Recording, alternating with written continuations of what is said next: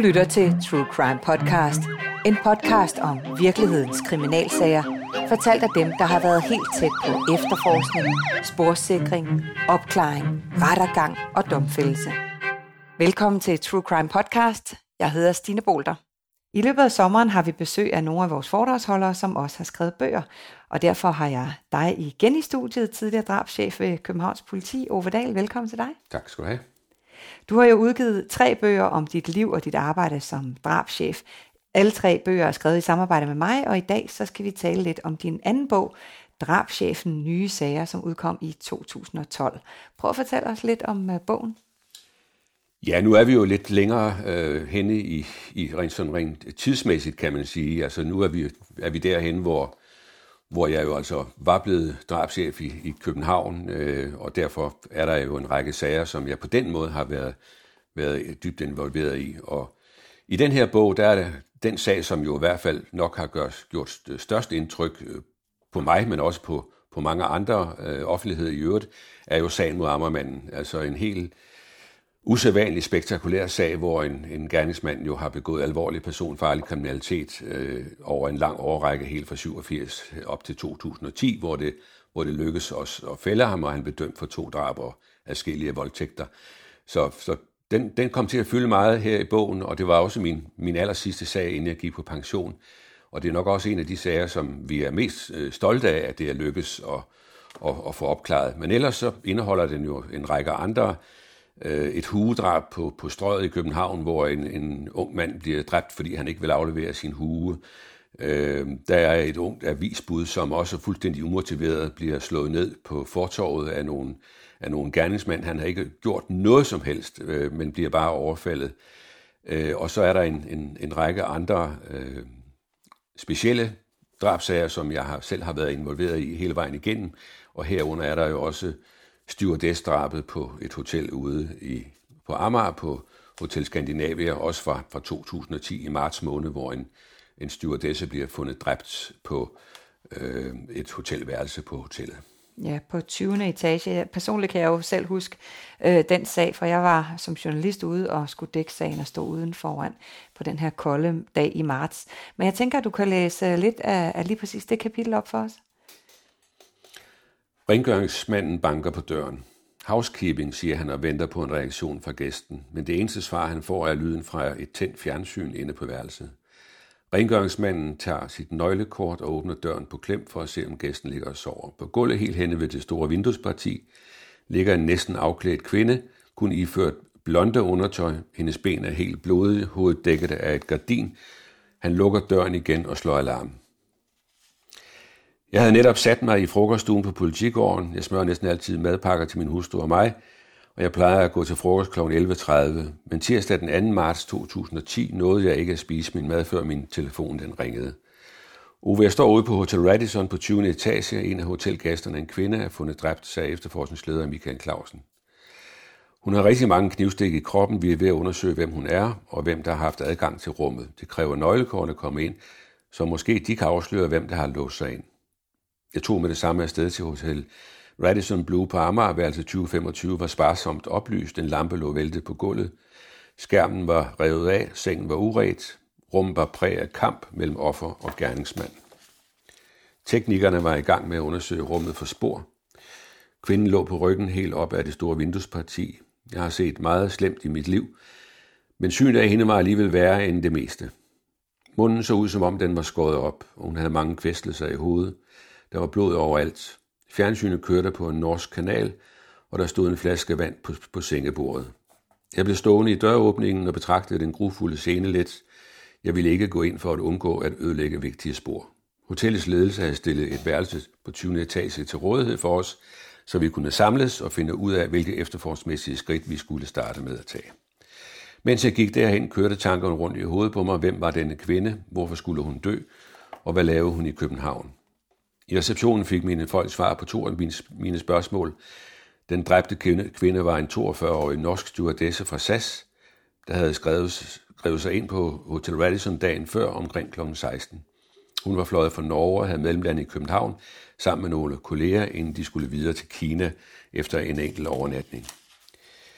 Men vi kunne stadig ikke med sikkerhed sige, at det var hende, der var blevet dræbt. Det kunne i princippet være en anden kvinde på værelset, en veninde eller en tilfældig.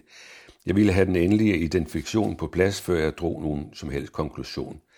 Og jeg har svært ved at forstå, hvordan sådan et drab kunne ske på et moderne hotel fyldt med overvågning. Uden at nogen havde set eller hørt noget. Var der tale om et kontaktdrab eller et fjerndrab? Tankerne blev ved med at mølle frem. På værelse 2025 tog teknikerne fat i hendes sorte kuffert, som var stille lige inden for døren. I tasken fandt de nogle ID-papirer med billede på, og selvom kvinden havde svære skader, var vi rimelig overbevist om, at det var hende. Men det var stadig ikke nok. I sådanne sager er vi nødt til at være 100% sikre på, hvem offeret er, og vi var nødt til at finde en, der kunne identificere hende med sikkerhed. Selvom det ville være en noget, øh, det ikke ville være nogen rar opgave. Samtidig havde pressen opsnuset sagen, og min telefon begyndte at kime. Jeg tog den kun få gange. Allerede inden jeg kom til Hotel Radisson, var, var hele 20. etage blevet spærret af, og der var uniformeret politi i hver ende af den klassiske hotelgang med gulvtæppe og døre på begge sider. Jeg havde forbudt journalister og fotografer adgang, men alligevel var der nogen, der sneg sig derop. Jeg ved, at en fotograf for Ekstrabladet tog elevatoren op til etagen, men han steg ikke ud, for da døren gik op, stod jeg lige foran ham. Godt nok med ryggen til, men han var trods alt ikke fræk nok til at stige ud. Lidt respekt har de trods alt for mig. En anden fotograf fra et norsk medie sneg sig til at tage et billede ned ad gangen. I det hele taget var præsten meget aggressiv i denne sag. Væsentligt mere, end jeg ellers havde været vant til. Men lige nu og her måtte jeg fokusere på det uhyggelige drab.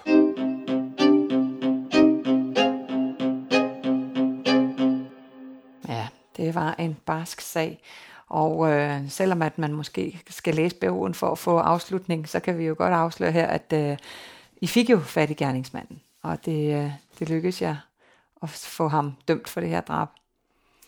Ja, heldigvis var det jo sådan, at der var øh, massiv overvågning på, på hotellet, og vi er en medarbejder på hotellet, som ud fra nogle billeder kunne bekræfte, at der havde været en gæst nede i casinoet, fik vi en identitet på en, en rumænsk øh, statsborger, en omrejsende kriminel, øh, en 58-årig mand, som var kendt øh, volds, for, for voldsom kriminalitet i Rumænien, hvor han blandt andet også havde slået en medfange ihjel. Øh, Øhm, ham kunne vi se på de her billeder, øh, hvordan han bevægede sig rundt, øh, både før og efter øh, drabet. Og han blev efterlyst, og senere blev han anholdt over i Sverige, og han blev stillet til regnskab øh, for sine handlinger og fik en dom for drab og røveri. Ja, ja. Nu før var du også inde på, øh, på hugedrabet. Det er jo også et, der er mange af os, der kan huske. Det var jo, som du selv siger, inde på strøget. Sådan helt kort, kan du, øh, kan du fortælle os, hvad var det, det gik ud på? Jamen, det var en, øh, en tidlig morgen. Øh, som jeg husker det, var det i starten af januar måned, altså en kold morgen, hvor, hvor øh, en, en flok unge mænd, måske påvirket af alkohol, bevæger sig op ad strøget, da de møder en, en ung fyr, øh, som havde en hue på, og, og den ene af de der øh, gerningsmænd ville altså have fat i den hue, til synlande, fordi det nok var koldt, men den unge mand ville altså ikke aflevere øh, huen, og så er der en af gerningsmændene, der trækker en kniv og stikker ham, øh, og han afgår, og, og stjæler så huen, og han afgår så senere øh, ved, ved døden, den her unge mand. Også der var vi hjulpet af noget øh, overvågning, noget videoovervågning, der var øh, ud fra nogle af, af forretningerne, der var der. Der var blandt andet en, netto, en nettoforretning, hvor man i hvert fald næsten kunne se selve handlingen, så selvom de var en 4-5 stykker omkring den her unge mand, så kunne man godt se, hvem der var, der stak med kniven. Og det lykkedes også at få dem identificeret, og de blev også stillet til ansvar for deres gerning. Mm. Så det med videoovervågning har faktisk været et rigtig godt redskab i, i, i dit arbejde, har det ikke det? Altså igennem tiden har jeg jo haft rigtig, rigtig mange sager, som øh, er blevet opklaret ved hjælp, øh, eller i hvert fald delvis opklaret ved hjælp af videoovervågning, uanset om det så har været videoovervågning, der har været opsat legalt, eller det er noget, der sådan har været lidt, øh, fordi de der forretninger, de måtte jo ikke have videoovervågning, der sådan pegede ud øh, på gaden, men, men det har jo ændret sig gennem tiden, og det har der været en debat om, og, og i dag er, er, er vel hele strøget jo officielt nærmest blevet videoovervågnet, øh, så det, det, det er noget af det, som jeg i hvert fald hylder meget, og det kan jeg kun sætte stor pris på, at man er, at man er kommet så langt, så at øh, man også gerne vil, vil, vil sætte noget videoovervågning op, for det, det har vi stor gavn af. Ja, hvis man har ren mel i posen, så gør det vel ikke noget at blive filmet ned ad strøget. Sådan er det stort set med alting. Altså hvis man ikke, uanset om man så taler om DNA-register, fingeraftryksregister og alle mulige andre register, hvis det er jo kun de kriminelle, der, der, der, der synes, det er en dårlig idé. Alle vi andre kan jo være fuldstændig ligeglade med, enten at vi er i de her forskellige register, eller at vi i øvrigt bliver videoovervåget, når vi går på strøget eller i et center, eller hvad, hvor vi nu bevæger os hen. Når vi ikke gør noget, som er ulovligt, kan det være fuldstændig ligegyldigt. Mm, ja. Når man Ove, bogen her, øh, Drabschefen Nye Sager, den kan jo købes i diverse boghandlere, og også via os hos True Crime Agency. Her kan man også booke dig til et af dine spændende foredrag. Tak fordi du kom. Tak selv. Det var alt her for denne sommerpodcast. Du lyttede til True Crime Podcast, præsenteret af True Crime Agency. Jeg hedder Stine Bolter, og du kan læse meget mere fra virkelighedens kriminalhistorie på truecrime.dk, hvor du også finder flere udgaver af True Crime Podcast. Música